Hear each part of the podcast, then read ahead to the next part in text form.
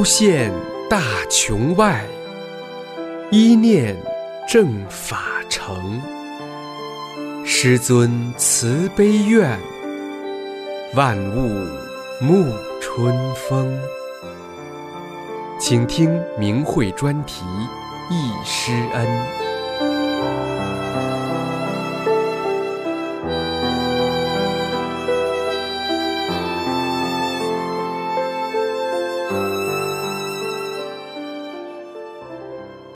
听明慧专题《易师恩》文章，回忆武汉法轮功学员四次大型学法练功活动。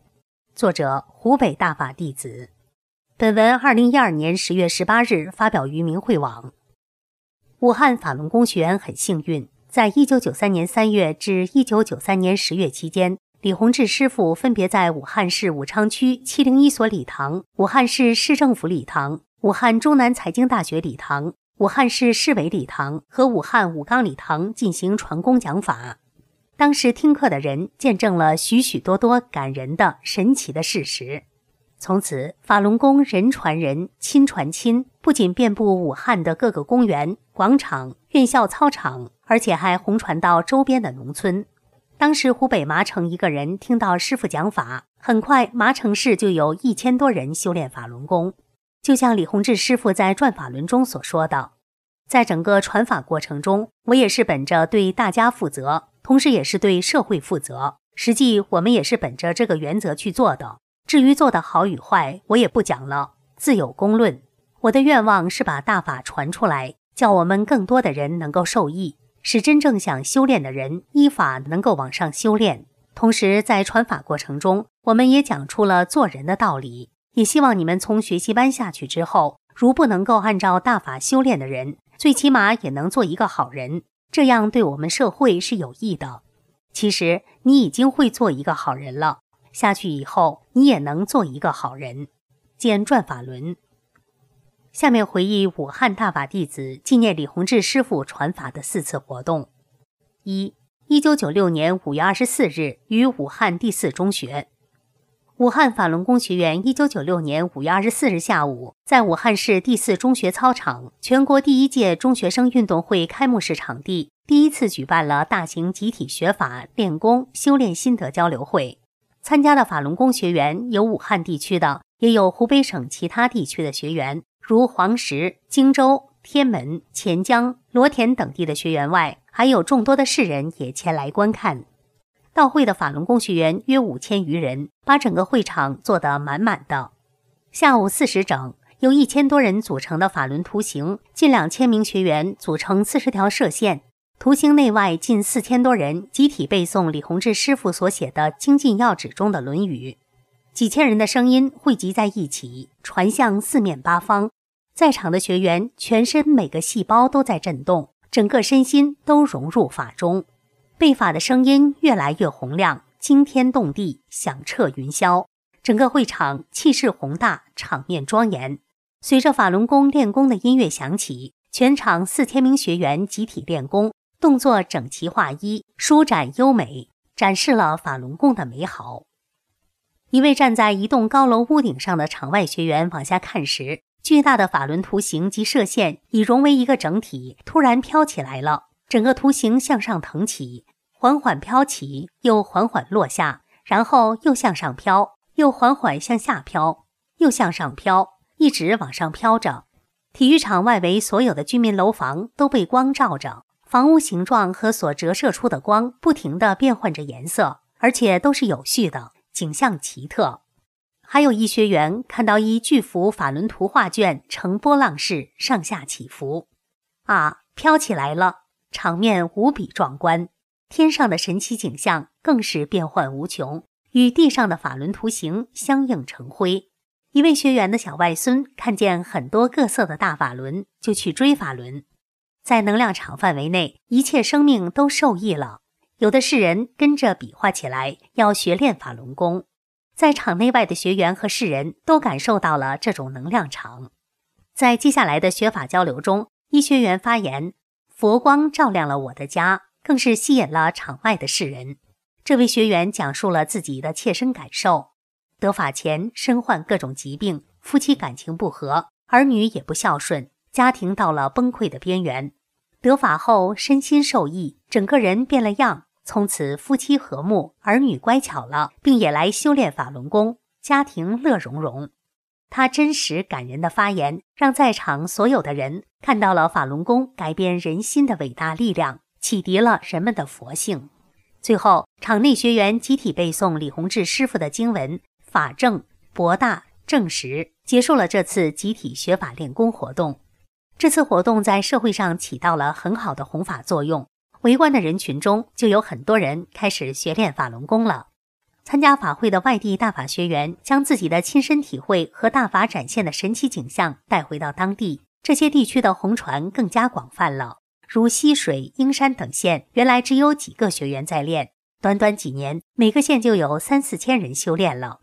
从此以后，法轮大法已深入人心，越来越多的人走进了法轮功。学员无数神奇的经历和见证，对师父感恩的心无以言表，只想把这美好传递给更多的人。二，一九九七年五月十一日，于武汉碧湖公园。一九九七年五月十一日清晨，天下着小雨，在武汉市汉口碧湖公园，大约有三千多大法学员举行了一次盛大的背法练功弘法活动。由近千名法轮功学员身穿黄色练功服，组成“真善忍”三个大字，其他学员自动的在“真善忍”三个大字外面围成一圈。随着人数的增加，圈也越来越向外扩大，最后达到一千多人。还有一千多新学员、学员亲属好友在圆圈外围的草坪上自由组合，九人围一个圆圈，好像朵朵盛开的莲花，将“真善忍”三个金黄的大字衬托得更加鲜艳、更加耀眼夺目、更加神圣。整个画面浑然天成，有如神助。有学员从高空用镜头记录下了这一永载史册的瞬间。组成“真善忍”三个大字的学员，分别背诵师傅的经文：“真修浅说善，何为忍？”周围的学员也跟着背，不会背的拿着书一起读。这宏大的法音传遍四面八方，传向天际，震撼大地。在这个时候，雨停了，太阳出来了。“真善忍”三个字的上空呈现出千姿百态的奇观，有琼楼玉宇，有仙鹤。有马车，有仙女，真是美不胜收。一个光亮无比的银盘在左边高楼背后缓缓升起，左右旋转，银光闪闪。人群中有人喊道：“师傅来了！啊，是师傅来了！”银盘渐渐升到高空时，一个巨大的身影手向下一挥，顿时赤橙黄绿青蓝紫的美丽云彩像瀑布一样倾泻下来。化成了无数的法轮，布满整个碧湖花园的上空。各色各样的法轮不停地旋转着，正九圈、反九圈，反复的旋转。法轮的上下两根弓柱直通天上，还有成群的天女在散花。天梯从天上一直伸向“真善忍”三个字的图案中。学员们看到后，情不自禁地鼓起掌来，掌声经久不息。一些不修炼的围观者也看到了天上的奇观。有一位女士带着自己的父亲和妹妹一家人参加了这次活动。当他们听到掌声时，回头一看，自己也鼓起掌来。此时，空中一个很大的像银盘似的光圈把太阳遮住。面带祥和之意、单手立掌、身披红袈裟的师傅显现在空中。师傅渐渐地向下移动。离开太阳一段距离时，就停下来，向人们微微点头。大约十五分钟后，师傅就开始打出法轮，有大有小，五颜六色，真是美妙极了。下了好一阵子，落在人身上还旋转呢。当他们再回头向天空望去时，师傅已经隐去了，但满天仍然下着雪花一样的法轮。这神奇、壮观、殊胜的景象，使他们一家人激动不已。就在当天，一家人走入大法中，成为真正的大法弟子。背法完毕，全体起立，集体练功开始。随着悠扬的练功音乐，全体学员演练五套功法，动作舒展整齐，每个人都感到身心愉悦。观看的人们被这宏大的能量所包围，当场感到身心受益。当时就有许多人要学功。这次百字活动后没有几天，就有一名老学员在碧湖花园成立了一个新的练功点。学员绝大多数是百字那天得法的新学员。几天后，这次活动的照片冲洗出来了。看着照片，学员们惊讶不已。原来，外面自然形成的一个圈，竟然是一个心形。有的学员惊喜地说：“这不就是心怀真善忍吗？”有的工作人员落泪了。师傅最知道学员的心啊！百字的初衷就是想表达我们同化真善人的心。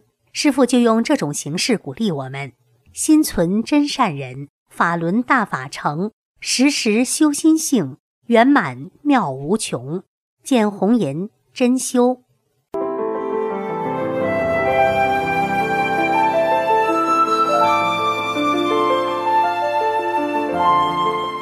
您现在收听的是明慧专题《易师恩》。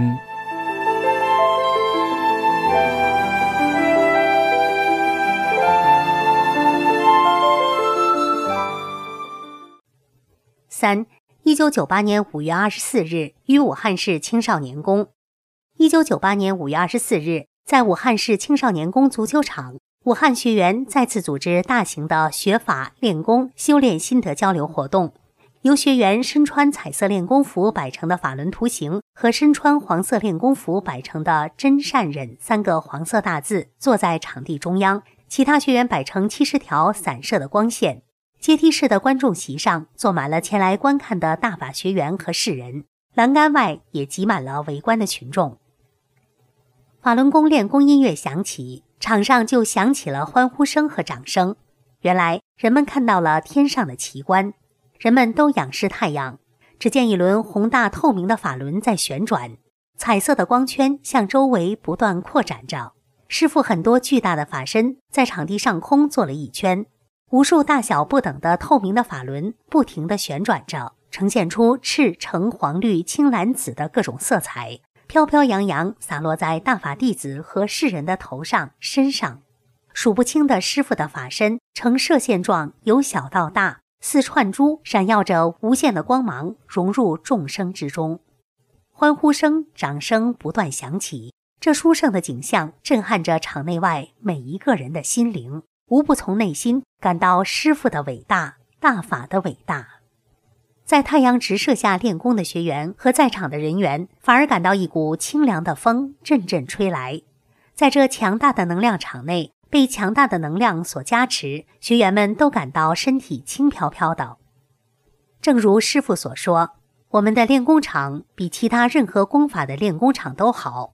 我们那个场，只要你去练功，比你调病要强得多。我的法身做一圈，练功场的上空还有罩，上面有大法轮、大法身在罩上面看场。那个场不是一般的场，不是一般的练功那样的场，是个修炼的场。我们很多有功能的人都看到过我们法轮大法这个场，红光照着，一片红。见转法轮。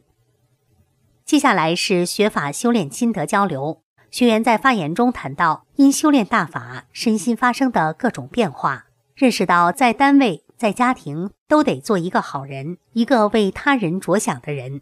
整个法会祥和慈悲，所有人都被这正的场所吸引。许多世人事后评价学员摆图形、练功都好像训练有素，觉得不可思议。其实并没有怎么训练，只是大法是块净土，能熔炼人。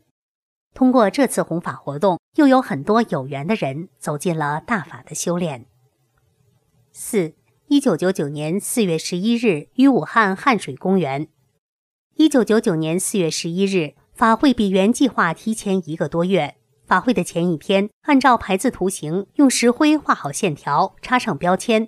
以往这种大型活动，不是活动前下雨，就是活动后下雨，活动开始雨就停。这次却不同，从四月九日晚上雨就不停的下，四月十日又一夜暴雨，黑云压顶，极不同于以往。凌晨四点，负责摆图形的工作人员最先到达会场。他们看到连夜值班看守场地的二十几名学员一夜没睡，很受感动。再看场地上的画线已被大雨冲刷掉，真是心疼又担心。这字怎么摆？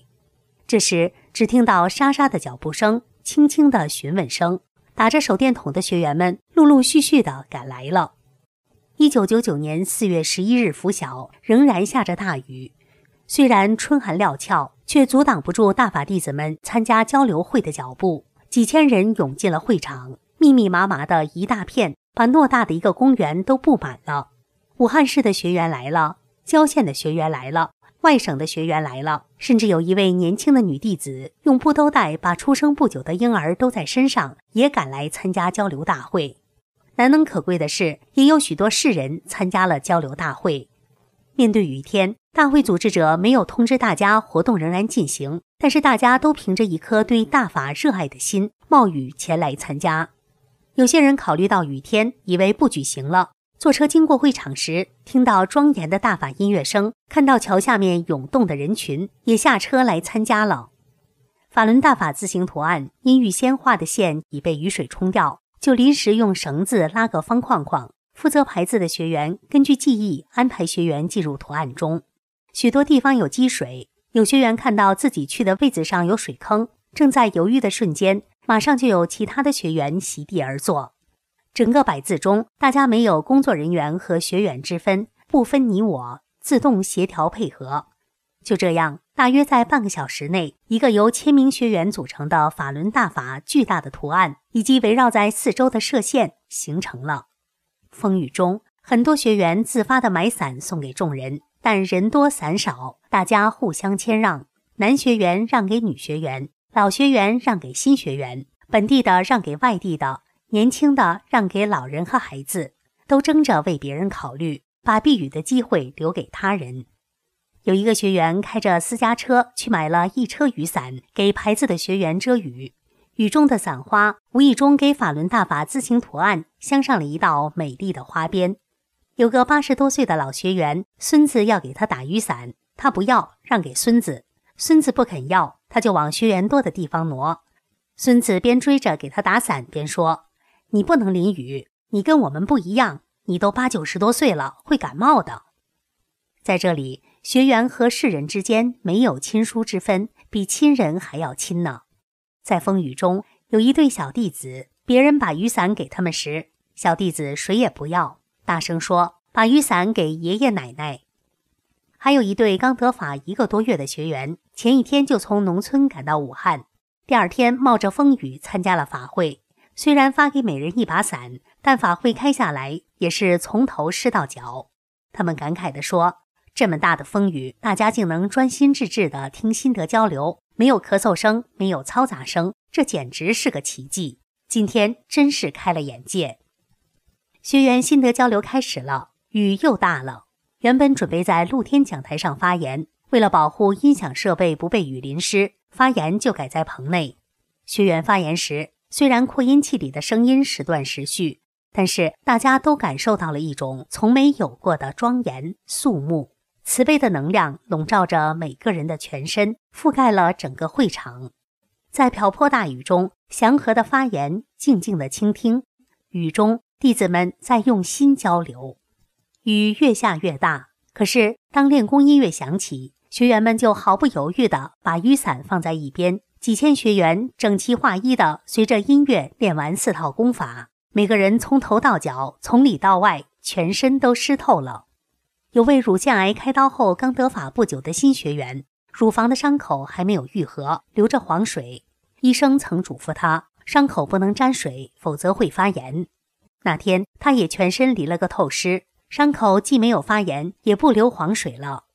汉水公园的工作人员说：“你们这功太神奇！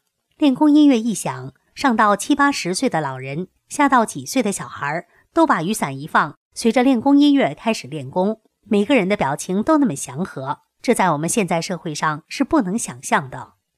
一位五十多岁的男军官说：“这要是在我们部队排，也要排几个月。”有位女军人说：“啊，这比当兵的还厉害。”还有一位七十多岁的老人说：“我这么大岁数，没见过这么多的人这么听话，在大风大雨中毫无怨言，不怕苦，不怕累，不怕雨淋。”有的说：“好感人啊，恨不得要哭。”在这种强大的感召力量下，当时就有许多世人与辅导站联系，询问练功点的具体位置，表示要到练功点上去练功。一位学员租借了一台三十米高、一台五十米高的升降工程车，吊臂长身，高高耸立。几个学员站在吊篮内，全程拍下了这次大型活动珍贵的历史画面。由于下大雨，人又多，有好些地方的草坪被压坏了。散场后，学员主动和汉水公园工作人员沟通，提出要把这些恢复原样。汉水公园工作人员反复强调没关系，并说已付了租金，但学员硬是留下了四百元钱作为维修的费用。公园的工作人员用非常敬佩的目光送走了这群修炼真善忍的人。武汉法轮大法学员组织的大型学法修炼活动，有功能的学员都看到，每一次活动在另外空间都是轰轰烈烈的。特别是这次冒着大雨，大家义无反顾地坚持按原计划进行，似乎在告诉学员将有大事要发生，预示着风云突变，天欲坠。见红颜二心自明，大法图可能将要经受一场巨大的磨难，但大法图也必将在这历史的伟大时期践行自己的史前宏事。一九九九年四月十一日，这次大型法会是武汉市法轮功学员最后一次大型排字练功交流活动。十四天后，北京发生了震惊中外的“四二五”事件。时至今日。法轮大法已红传二十周年。虽然法轮功被中共邪党迫害了十三年，然而迫害阻挡不了大法弟子修炼。我们感恩师父给予我们这宇宙万古不遇的正法修炼的机缘，给予我们新的生命。这其中的伟大、殊胜、玄妙，无以言表。宇宙正法，大穷重组，乾坤再造。这一刻值千金，值万金。宏大与壮观，无与伦比。这是大法的辉煌，是师傅的辉煌。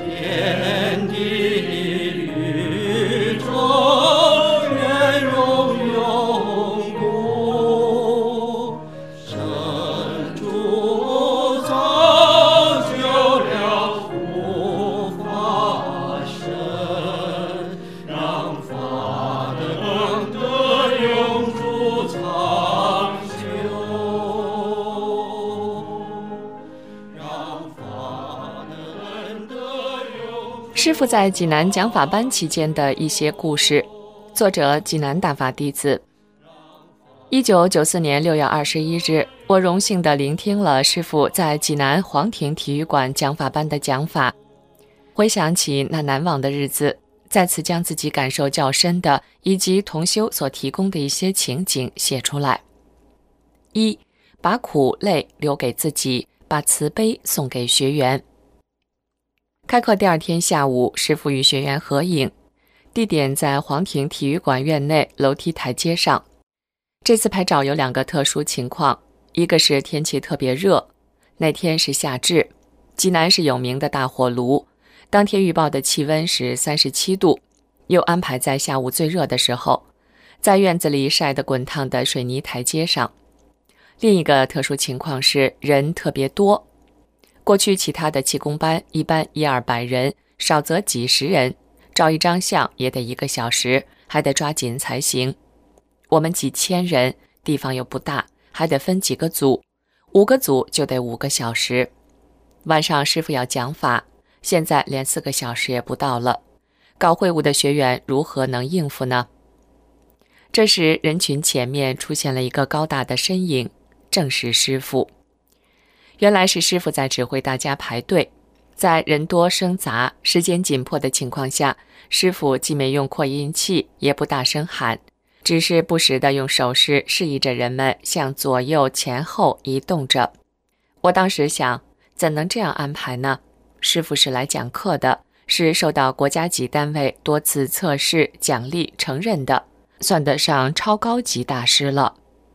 合影前，他应该坐在专家待的地方。有空调、有饮料和周到的服务，像常规那样，等大家排好队了，然后往中间空位一坐就行了。而在火炉里，在水泥台阶灼人的热气中，师傅指挥着汗流浃背的大家站好了，然后往人群中一站，转过身来，咔嚓一下排完了。然后师傅说：“下组抓紧来。”有弟子说：“师傅晚上还要讲课。”这么累怎么能行？师傅一下午就是这样在高温下忙着，直到合影全部结束。结果是不但能按时在晚上讲法，还给大家留出了足够的吃饭时间。晚上的讲法准时进行。北京、山东和东北等地的老学员有了经验，很快的吃完饭后，抢先把走道、墙角等不太好的地方先占了，把好座位留给新学员。一个六七岁模样的小男孩稳稳当当地坐在大后方的走道边。我问他：“这不有座位吗？你坐吧。”他回答：“我是老学员了。”我听后用手拍拍他的肩膀，以免哽咽的声音发出来。师傅开始讲课了，可是室内太热，很多人摇起了扇子。师傅说：“不妨大家把扇子放下。”不一会儿，微风拂面而来。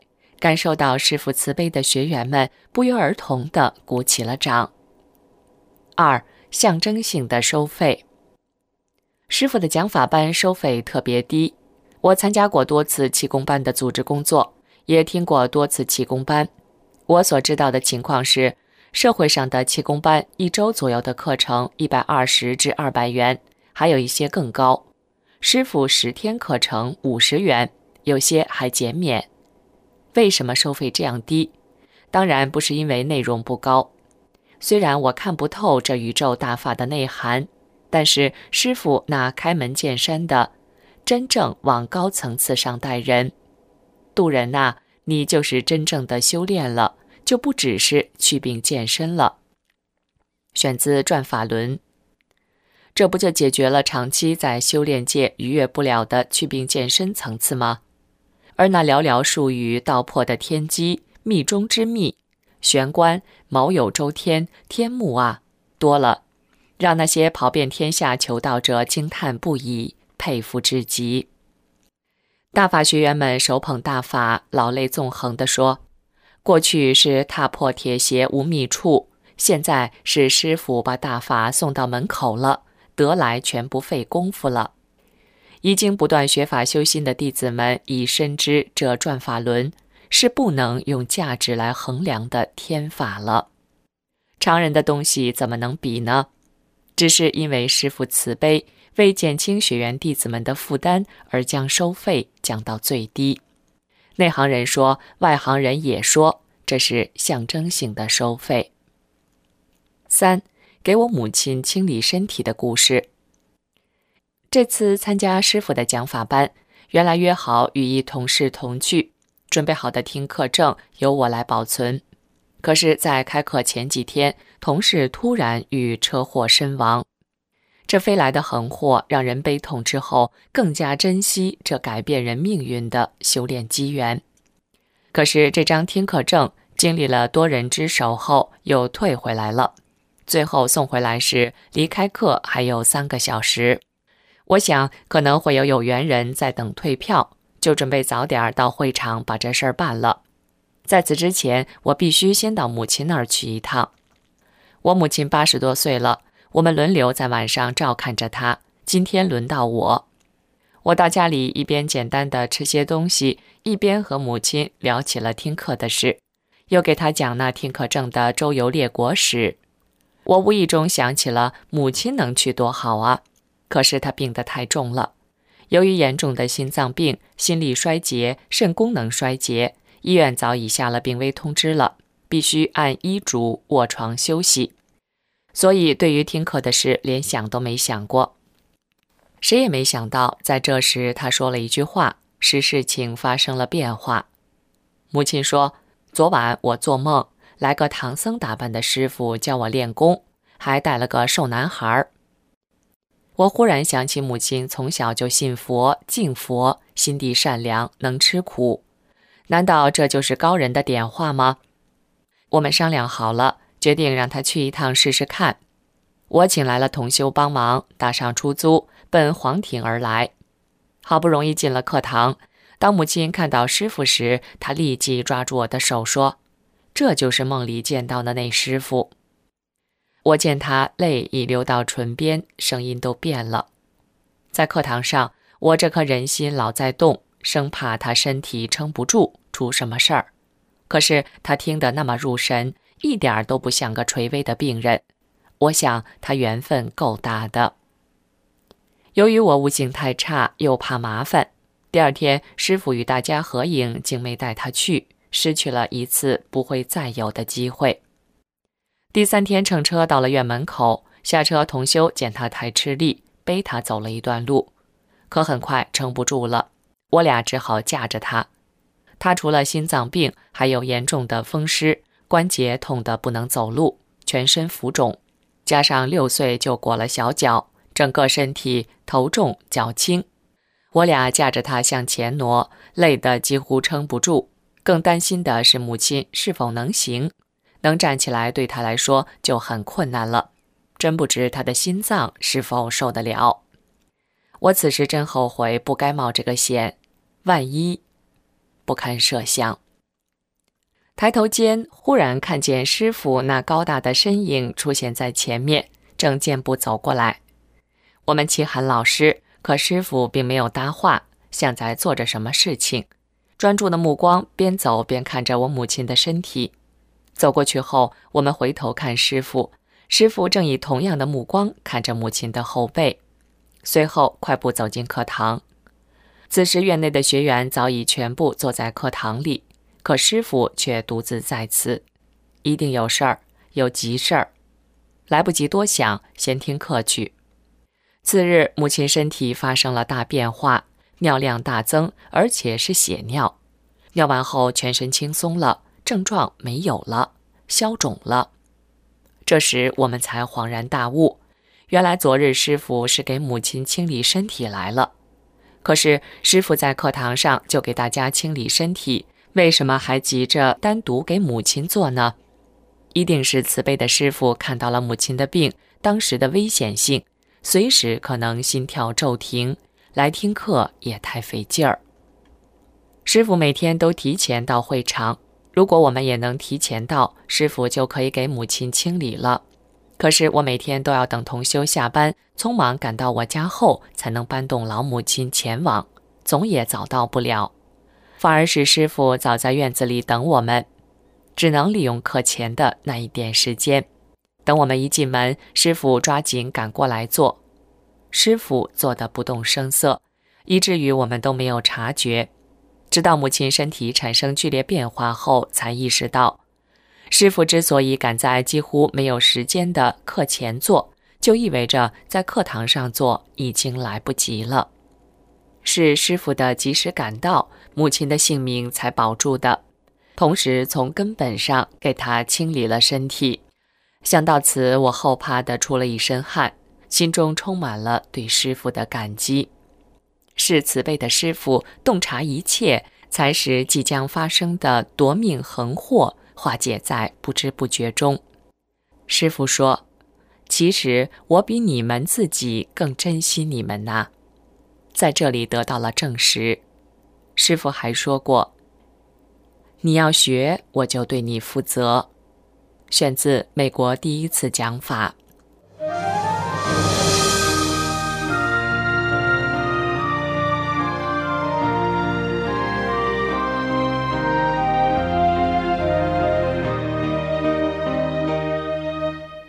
四，当遇到恶语伤人时，有一次，师傅与一弟子在小店吃面条，店主端来了面，师傅轻声说了一声：“这面条放的盐多了点儿。店主一听发火了：“你这人找事儿啊！还没吃，你咋知盐多了？”师傅没吭声，开始吃面。那人像得了礼一样训斥够了，才算罢休。师傅一直到吃完，没再说一句话。弟子收拾碗筷送给店主时，顺手在师傅用过的碗底用手一蘸，尝了尝，对店主说：“确实盐多了，太咸了。”师傅为我们做出了打不还手、骂不还口的典范，做得那么坦然。五，石佛寺看门人的故事。师傅有一天准备去石佛寺一趟，消息灵通的一些辅导员和学员急忙赶到这里，等着见师傅。等了很长时间没有来，中午将过，大家认为不来了，各自回去了。他们刚走，师傅来了。首先看见师傅的是寺里看大门的老人和他的小孙子，彼此认识后谈着话。后来，师傅谈起了法轮功，向他做了介绍。看门人说：“我年纪大了，没什么文化，功是练不了了。”老人向师傅说了他和全家人的一块心病，就是他的小孙子脑子不好用，上学不愿去，越来越跟不上了。师傅亲热地摸摸小孩的头，顺手拿了一块糖给他，小孩高兴地吃了。事过不久。看门人家里传出了喜讯，他家小孙子整个变了个样，人聪明了，愿意上学了，听话了，学习成绩好了。看门人想，这法轮功师傅心肠好，和气，一块糖就让我孙子变了样，他教的法轮功一定也孬不了。从此，他带着村里一帮人练上了法轮大法。